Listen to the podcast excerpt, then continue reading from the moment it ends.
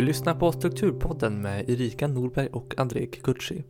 Erika, hon jobbar som lärare och driver bloggen vstruktur.se och André, han jobbar som pastor och pusslar ihop livet som familjefar. Jag som talar heter Simon Lundberg och är den som redigerar denna podd. Så luta er tillbaka och följ med i våra tankegångar som kretsar kring livet och struktur.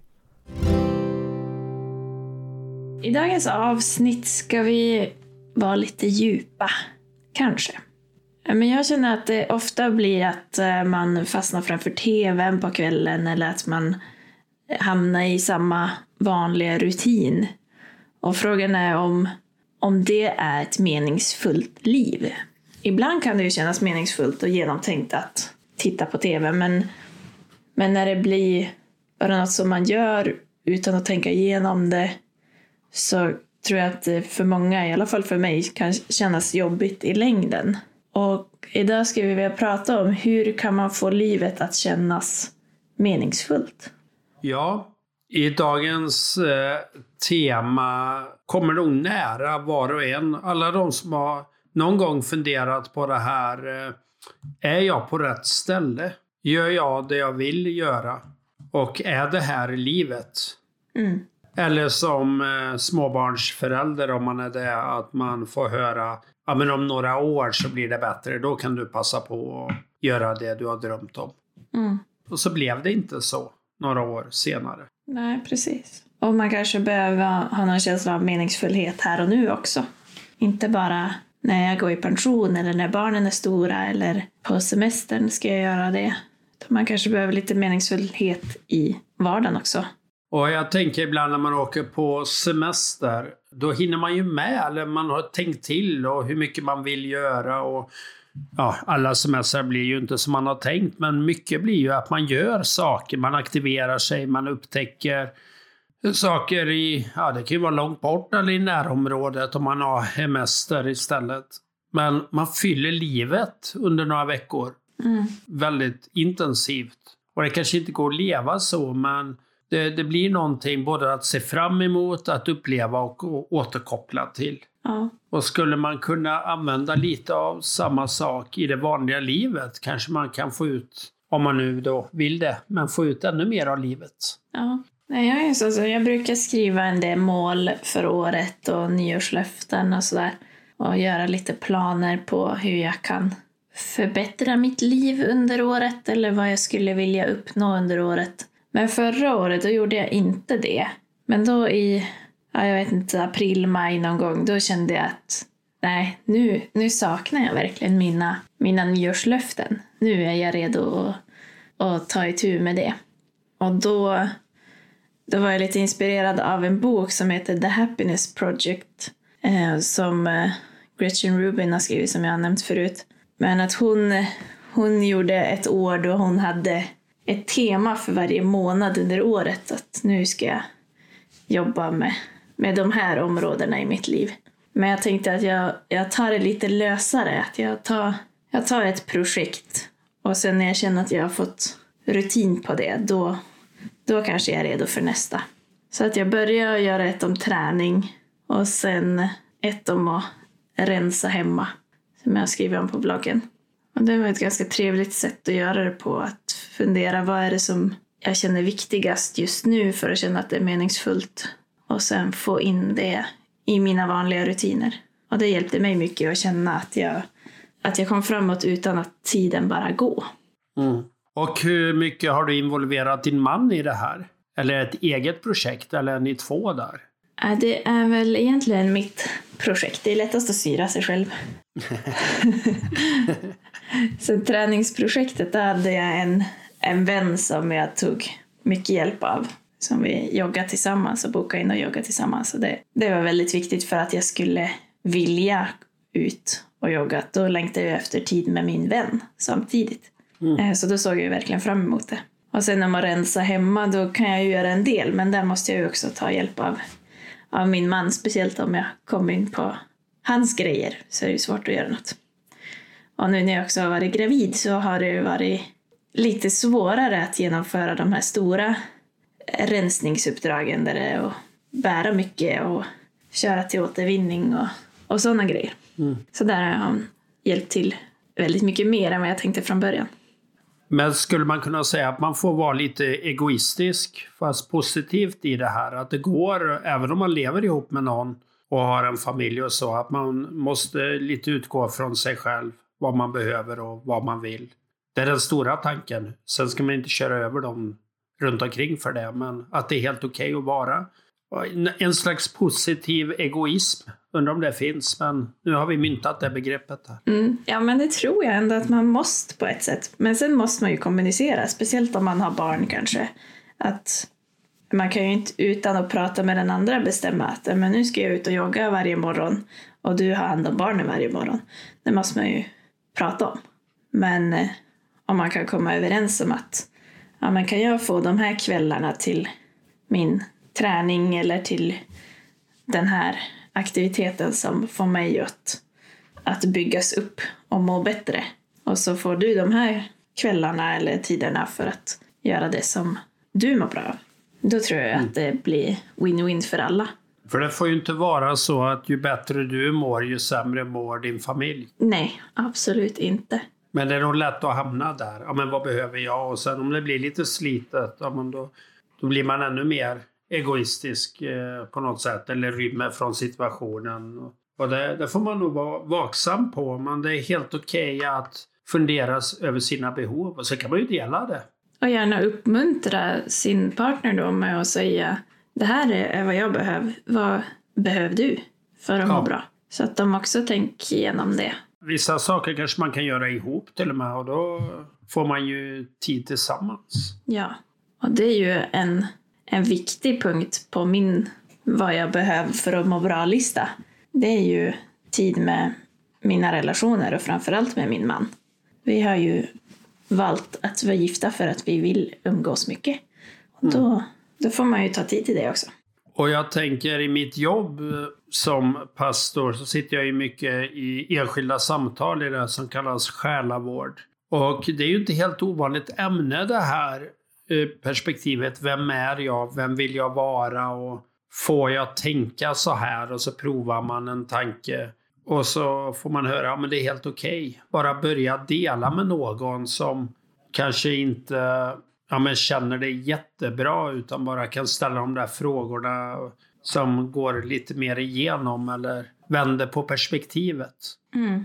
Det tror jag är en stor hjälp. Och det finns psykologer, det finns präster, det finns ja, en rad olika folk som är duktiga på det här. Det kanske är värt tid och investering att göra det. Ja, och om inte annat börja med en vän. Mm. Eller någon, någon du känner. Bara för att komma igång och börja tänka på, på vad man faktiskt vill och behöver. För jag tror att det är ganska många som fastnar i att bara tänka på andras behov och är väldigt mm. otränade i att tänka på sina egna behov. Och jag tror vi har nämnt det i något tidigt avsnitt om Moder Teresa, men det var så länge sedan så det är väl värt att ta det en gång till. Att hon eh, försökte ju hjälpa alla andra och till slut så svimmar hon mitt i alltihop. Och då är det en av hennes eh, systrar på klostret där som hjälper henne att förstå att du måste också ta hand om dig själv. Ja för att kunna hjälpa andra så måste du börja i dig själv. Ja.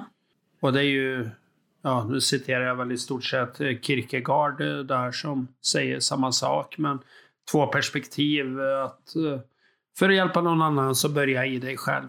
Men stanna inte i dig själv, eh, för då hjälper du ingen annan. Utan... Nej, man behöver båda delarna.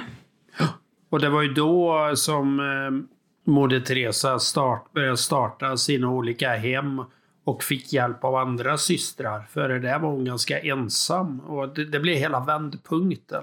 Ja.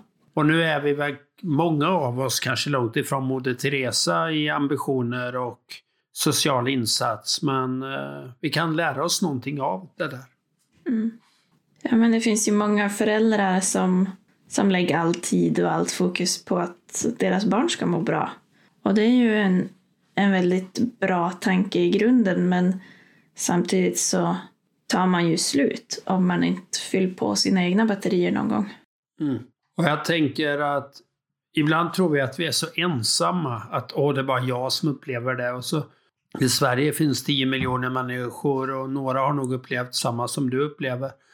Och i världen finns ju miljarder människor. Och i historien bakåt, läs skrifter. I mitt både jobb och privatliv så har ju Bibelns eh, böcker blivit en enorm källa för att förstå vad det är att vara människa. Och jag kan känna igen en text som är två och ett halvt tusen år gammal i mig själv idag. Ja. Trots att miljön och allting runt omkring är olika så är de här djupa frågorna, vem är jag, vad vill jag vara, vart är jag på väg, finns det något större runt mig som styr min tillvaro? De, det är ju, det passar liksom alltid in. Och då är det rätt skönt att läsa om en som mår riktigt dåligt.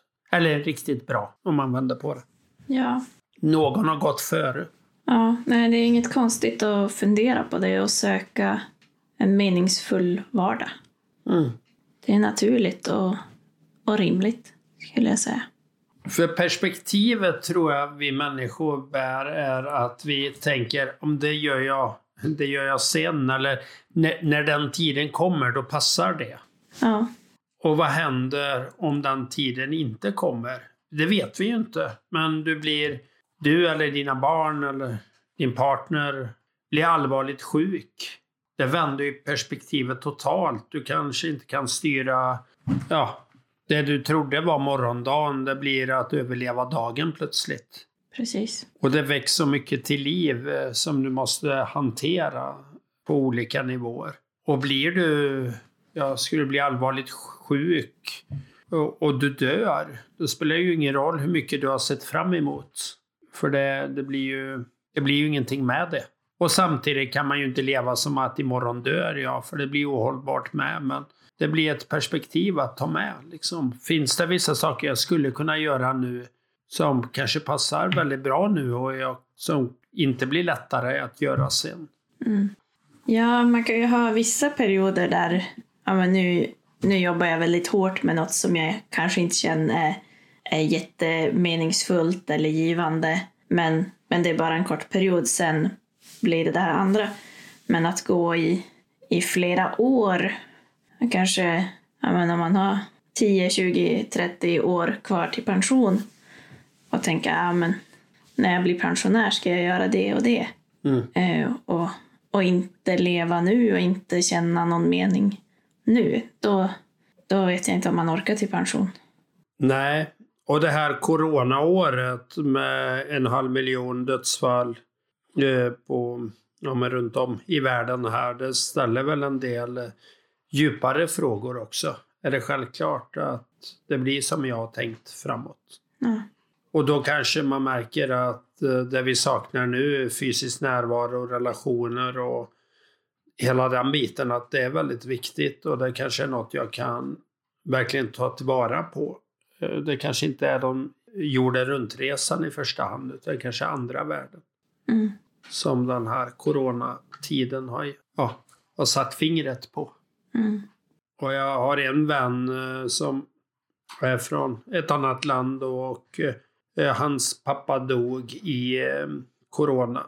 Och det här att inte kunna ta farväl, inte vara med på sin pappas begravning och liknande. Och det är klart att ställer frågor. Vad hade vi för relation före? Tog vi för givet att ja, men nästa år kommer vi hälsa på eller om några år kommer vi och med familjen och sådär.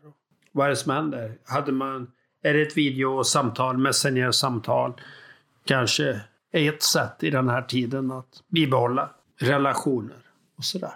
Jag tror att många har känt det här senaste året att vad viktigt det är att hålla kontakt med varandra och att ha socialt utbyte även om det behöver göras på andra sätt. Och ibland kan det vara så att man ska passa på, ja men gör det nu. För sen går det inte. Men det kanske går fast på ett annat sätt sen. Jag har ibland åkt på resor med, eller en resa jag hade, då var vi mellan 10 år och den äldsta var över 80 år och så hade vi alla tiotal däremellan. Och en del går runt bussen när de fjällvandrar och är nöjda med det. Och andra går upp på det högsta berget i närheten. Och många gör någonting däremellan, att man får anpassa sig för rådande situationer. Och det, det är väldigt bra att fjällvandra för där kan ju vädret ställa till det på kort tid.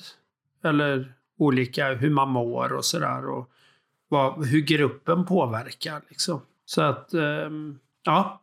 Det finns mycket. Man kan fundera på behov, önskningar, hur jag vill ha det och vad kan jag göra. Men man kan göra väldigt mycket här och nu. Mm. Ja, det försöker jag alltid uppmuntra folk till att inte se bara allt som är i vägen och jag kan inte det på grund av bla bla och bla bla. Att, ja, men, du kan ju faktiskt styra en hel del av vad du gör med din tid. Och det är en bra idé att ta tag i det. Så att det inte bara åren rinner iväg och så har man känslan av att ha slösat bort dem. Ja, den känslan att oj, vart tog livet vägen? Det är ju oerhört svårt att reparera det. Mm. Sen är det absolut okej okay att ha perioder som bara är vila. Att även nu har det varit så intensivt så nu behöver jag en period då jag bara gör det jag vill just nu. Mm. Eller bara, bara se tv varje kväll ett tag. Mm. Men sen komma, komma upp från det igen. Allt har sin tid. Ja, det har ju det.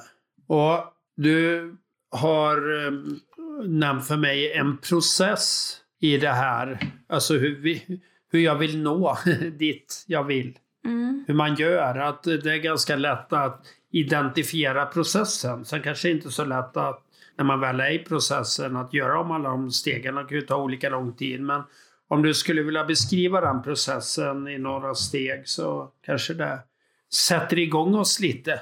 Mm. Och vill man läsa detaljerna så har jag ju två, två blogginlägg om det här. Men, men jag brukar säga första steget är att då identifiera behoven eller önskningarna. Så hur, hur vill jag vara? Hur vill jag ha det? Vad, vad är det jag vill göra eller åstadkomma i mitt liv? Och det tror jag att ganska många kanske har, har gått runt med tankar eller drömmar om att ja, men någon gång då skulle jag vilja ha det så här. Och då funderar jag på ja, men vilka av de här sakerna är faktiskt sådana som jag verkligen vill ha. Mm. Och sen är steg två att prioritera att man kan inte man kan inte förändra allt på en gång. Utan fundera på ja, de här sakerna som jag ja, men gärna har skrivit ner då för att få det tydligt för mig själv att det här är mina behov och önskningar. Vad, vad är viktigast av det? Mm. Och sen om jag, om jag vill gå vidare, vilken är, är nästa punkt av de här? Och vad är kanske inte så viktigt, men, men skulle vara en trevlig bonus om det blev. Mm. Och vad är det jag kan rensa bort? Jag tänker ibland på när vi pratar med med Carro, Con-Marie med Carro avsnittet att när vi pratade om vad hon sa att hon ville göra så landade hon till slut i att nej men det här som jag nyss sa på min lista vad jag vill göra det, det bryr jag mig faktiskt inte om. Jag vill inte göra det. Det är bara någon tanke som har kommit från andra. Och att, mm. ja men stryk den då. Och, och ha inte dåligt samvete för det. Eh, så steg ett, identifiera behoven. Steg två, prioritera. Vad är viktigast av de här? Steg tre, gör en plan. Så hur ofta ska jag göra vad för att nå det här målet? Så om det är träning, hur ofta ska jag träna och vad ska jag träna för att känna att jag har en, en bra träningsrutin? Eller som i mitt andra projekt då, som var att rensa olika områden där det skriver ner vilka områden jag hade och hur stora de var ungefär. Och, ja, men hur ofta ska jag lägga tid på att jobba på det här rensarprojektet för att till slut komma i mål med det. Så en del, en del sådana här projekt kanske har ett slutmål om man blir färdig och en del kanske är att få igång en rutin som man vill upprätthålla länge. Det kan vara lite olika. Och jag har väl ofta kanske bara tänkt i de där tre stegen, att identifiera behoven, prioritera och göra en plan. Men jag tror att steg fyra är väldigt viktigt också, har jag kommit fram till på de senaste åren. Att, att välja strategier för att den här planen faktiskt ska bli verklighet. Mm. Och då kanske är att välja någon person som hjälpt dig att hålla dig på banan. Mm. För mig med träning, då var det ju en vän som hjälpte mig att vara ute och träna. Men det kan ju också vara någon slags mentor eller så som inte är bästa kompisen som kanske är lite mer objektiv och utanför. Ja. I vissa situationer är det bättre. Sen är en favorit för mig också schemaläggning. Att få in det i almanackan Då kan både jag och min man se att ja, men okej, de här dagarna så, så ska Erika träna och då, då är hon upptagen med det. Och sen kan man också hålla koll på hur går det med framstegen så att man ser att man kommer framåt även om man kanske inte ser tydliga resultat på allting. Mm. Så då finns det ju målkalendern på, på merstruktur.se eller i strukturkalendern där man kan sätta kryss varje gång man har gjort någonting om man vill hålla koll och så. Eller välja något annat sätt. Och något annat som jag tror är viktigt är att ta första steget snabbt. Mm. Att inte vänta med att komma igång. Utan okej, nu har jag bestämt, jag har gjort en plan. Nu ska jag börja. Man behöver inte vänta på att det ska bli ett nytt år eller en ny månad Nej. eller vecka eller vad det nu är. Utan man kan, man kan börja redan nu när man har det färskt i huvudet. Varför vill jag det här? Och så köra på. Men det kräver ändå en del struktur att sitta ner och fundera Mm, för, för att det ska hålla. absolut. Att, att det kan vara värt att lägga en, några timmar eller några dagar eller vad du nu behöver för, för det här. Och göra de här fyra momenten. Mm, Och leva, leva med det. För jag tror hoppar du över de här ja, stegen och går direkt på saken, då blir det inte hållbart i längden. Nej, då är det kanske något man jobbar på en gång. Ja, men jag fick ett ryck, jag rensade ett område en gång. Och sen så blev det inget mer. Och så fyllde jag upp det området igen och så Mm. var det som att det aldrig hade hänt. Men jag tror att gör man sån här plan och, och väljer sina strategier och man har verkligen tänkt igenom att det är ju det här jag faktiskt vill. Mm. Då tror jag att det är- mycket mer hållbart. Absolut. Och sen återigen det där dela med... eh, Du kanske kan få en hjälp av en vän som kan påminna dig om de här strategierna, de här, den här planen. Mm. Någon som ringer dig en gång i halvåret eller en gång i månaden eller vad det är som behövs och frågar hur går det med det där? Liksom. Det kan väl vara bra. Mm. Och fundera också på att, ja, men vad, vad är det som kan bli svårt med det här? Att om det här skulle hända, hur gör jag då? Om jag blir sjuk, hur kommer jag tillbaks från det? Till exempel. Så att man gör någon slags plan för om det går fel eller om det blir svårt. För det kommer förmodligen att bli svårt i något skede. Och då är det bra att ha en idé på hur man ska fortsätta. Jag har alternativ. För det märker man ju i vardagssituationer om det står en lapp om en ring den personen och så upptäcker man att man inte har numret. Och så letar man inte upp numret och då ligger ju lappen kvar. Ja, Sån där liten grej, men om du då hade letat upp numret eller inte gett dig förrän du hade numret och förrän du hade ringt, det är då det är, då det är klart, när du väl har ringt. Det är inte klart för att lappen ligger där. ja. Eller vad det nu är du är på. Och jag tänker ofta om du är på en arbetsplats eller i en situation, oavsett vilket jobb du har, och funderar på, ja, men är det här det jag ska göra? Och du kommer fram till att du är tveksam kring det, då kan ju det bli en jättemorot till förändring. Att våga de där stegen, för du, du är motiverad. Och du, ja, någonting kallar på din uppmärksamhet kring de här frågorna. Och kommer aldrig frågan upp, ja, men då är väl du väl på rätt ställe helt enkelt. Mm. Då behöver du inte fundera så mycket. Ja, jag tror att det är viktigt i allt det här att det är ju jättebra om man har ett jobb som, eh, som man känner väldigt meningsfullt. Men i alla fall inte ha ett jobb som man blir helt dränerad av och får inte ut någonting av. För det är alldeles för många timmar i veckan som man spenderar på jobbet för att, ha, för att det ska få vara en så tung tid. Och sen inte heller att varje kväll blir något som man känner efteråt har varit bortslösad tid. Mm. Så att någonting meningsfullt på jobbet och någonting meningsfullt på fritiden tror jag är viktigt. Och det går att göra något litet varje dag. Jag hade det när vi flyttade till hus och det var mycket praktiskt där i början. Men man kunde ju dränkas av allting man behövde göra på en gång. Men vi försökte göra ett projekt eller en sak. Ett projekt kan vara att skruva i en skruv i väggen, sätta upp en tavla eller ta bort en skruv och spackla igen. Men alltså ett projekt per dag, då, då gör du ju någonting fast du kanske inte tänker på det riktigt. Mm. De där små sakerna. Mm. Vad gör att du trivs? Ja, vi ser ju ofta när vi har haft en, en eh, så extra duktig helg, att vi har fått mycket gjort. Att, varför gör vi inte alltid så här? Det här är mycket trevligare. Att känna att man har, har använt tiden bra. Sen ser vi också till att alltid vila på helgen, för det är också hög prioritet. Men både vila och åstadkomma någonting är viktigt tror jag. Och kan man göra saker, eller bara fundera på saker, ha processen i huvudet, så gör det väldigt mycket. Mm. Och eh, jag sitter ju ofta i möten med folk och då blir det ju deadlines till mötena och det hjälper ju mig framåt.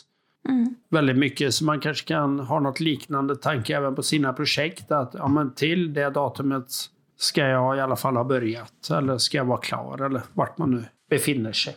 Mm. Och jag la in ett, eh, på mitt rensningsprojekt där då, så la jag in ett datum. Det här datumet ska jag utvärdera, hur har det gått? Har jag hunnit lika mycket som jag hade tänkt eller behöver jag omprioritera? Mm. Det tror jag också är bra. Och då kan det ju vara att nej, men jag gjorde ingenting på det. Och då kan man fundera på, är det här något jag vill göra överhuvudtaget? Och i så fall på, få en påminnelse och starta upp igen. Eller så har man kommit långt och så kan man planera hur man går vidare. Ja, eller bara lägga ner ett projekt. Det är ju en konst där. En del av oss säger sådär, "Ja, men har jag börjat måste jag göra klart. Och så lägga massa timmar på någonting jag inte har lust med. Ja, Det kanske är värt att säga, "Ja, men jag hanterar inte det här. Och är det i hemmet? Eller då kanske man kan ta hjälp av någon som kan det. kanske är värt de kronorna att betala för att bli klar med ett projekt som du själv inte har ork och, eller kunskap att klara av. Liksom att man får inte vara alltför egoistisk och tänka jag kan alltid själv. Alltså släppa prestigen ibland tror jag är viktigt. Mm. Och då kan det ju vara alla möjliga eh, personer man kan ta in. Om det är hantverkare eller städare eller ordningskonsulter som vi intervjuade för ett tag sedan. Det finns ju hjälp att få inom i stort sett alla områden. Och det kan vara mycket värt. Så att någonstans säger du att identifiera, kan jag göra det själv eller behöver jag hjälp? Och identifierar du, jag behöver hjälp, vad blir nästa steg? Är det att ja, men ta in offerter från ett företag eller ringa sin granne? Men att du tar de där stegen och lite att du lägger ut på andra. Ja, men för, att bli, jag, för att komma vidare måste jag fråga den här personen om någonting. Att du också ställer frågan så att du är det ligger och sen är det upp till personen att svara. Svara på ett mejl eller vad det är. Men då, då är du igång. Liksom. Mm. Så att du inte fastnar i att det är så mycket jag måste göra. Och så gör du ingenting mer av det. Men du har ändå lagt en halv dag på att identifiera vad du måste göra. Mm. Men du tar det ändå inte längre. Ja, precis. Ja, men jag hoppas att eh, det här ska ha gett någonting. Att ni får en, en liten knuff i att eh, göra någonting åt den här känslan av meningslöshet om ni går med en sån. Mm. Och ta tag i att, att ta något steg mot det liv som ni skulle vilja ha. Och här finns ju stor hjälp att få mejla till oss, ställ frågor. Vi kanske får uppslag till både gäster som vi ska ha med och eh, fler program på det här temat. För det känns så oerhört viktigt att folk ska må bra Ja, där vi befinner oss. Alltså man kan ju se glädjen. Det kan ju vara så också, eh, det är lätt att tänka förändring, att är jag på ett jobb jag inte trivs på så ska jag byta jobb. Men vad gör att jag trivs på det där jobbet jag inte trivdes på innan? Det kanske är sådana bitar också. Så att fundera och hör av dig och skriv gärna till oss på hej strukturpodden.se. Använd kontaktformuläret på strukturpodden.se och dela med er i gruppen eh, på Facebook och annat så kan vi hjälpa varandra. ja. Låt inte bara det här avsnittet försvinna ur ditt huvud utan gör något. Och vi har väl en liten sån här prova på även denna veckan. Så att man kan bli lite handlingskraftig. Mm. Och man skulle ju kunna tänka att det är att, att följa den här processen, men vi, vi väljer en liten annan inriktning, kanske ett första steg före det. Att, att fundera på om du skulle ställa så här standard arbetsintervjufrågor till dig själv. Vad skulle du svara då? För att få grepp om vad är dina styrkor, vad är dina svagheter, vad, vad är det du är passionerad om att göra? Så, så ha en liten arbetsintervju med dig själv. När fungerar du som bäst? Vad, vad är din stora utmaning? Och när fungerar du som sämst? Och är det något som du kan få bort mer och mer ur ditt liv? Vad tror du referenterna säger om dig? Mm. Om du nu har referenter. Du får väl hitta på några som du inte... Ja, några som du är bästa vänner med, men några som också säger sanningen om dig. Mm. Och så utgå därifrån. Ja. Och det kan ju vara en liten aha-upplevelse. Det kan ju vara jobbigt, men det, det ger väldigt mycket att ställa de där tuffa frågorna till en själv också. Mm. Eller får du leta upp en kompis som säger du ska ha en arbetsintervju med mig här. Jag har sökt det jobbet jag är på. Mm. Mm. Ja. Ta en kompis och så kan ni intervjua varann. Mm. Vad kul. Jag blir lite sugen här nu. Men ehm, ja. Vi kanske borde ha nästa avsnitt eh, att vi har arbetsintervju med varann. ja. Då är ju nästa avsnitt så lever ju både jag och du i en föräldraledighet. Mm. Med, det är ju inte samma barn vi är lediga för, men eh, givetvis. Men eh, det, är, ja, det kan ju bli intressant där när man står en bit ifrån eh, sitt yrkesliv Ja. Och är i familjelivet att ställa de där frågorna. Mm. Och vem vill man vara då? Ja, precis.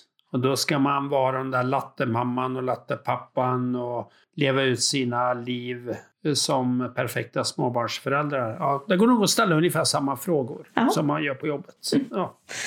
Ja, vi får se vad det blir. Men eh, Mm. eh, processen, identifiera behoven, prioritera, gör en plan och välj strategier för att planen ska bli verklighet. Och veckans prova på, ha en arbetsintervju med dig själv.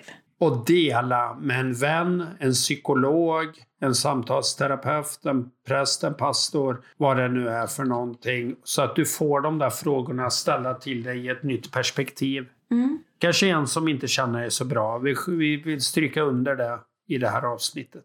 Ja. Så tack för att ni har lyssnat. Jag hoppas att ni vågar ta steg åt eh, ett mer meningsfullt liv.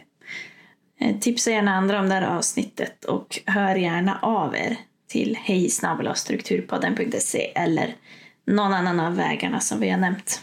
Och till vi möts igen, ha det gott och vi hörs. Har vi tackat Simon förresten? Nej. Då tackar vi Simon Lundberg som klipper ihop det här avsnittet och får oss att låta smarta när det egentligen är han som är smart. Ja. Ja, tack. Tack Ha det gott allihopa. Erika. Detsamma. Hej då. Hej hej!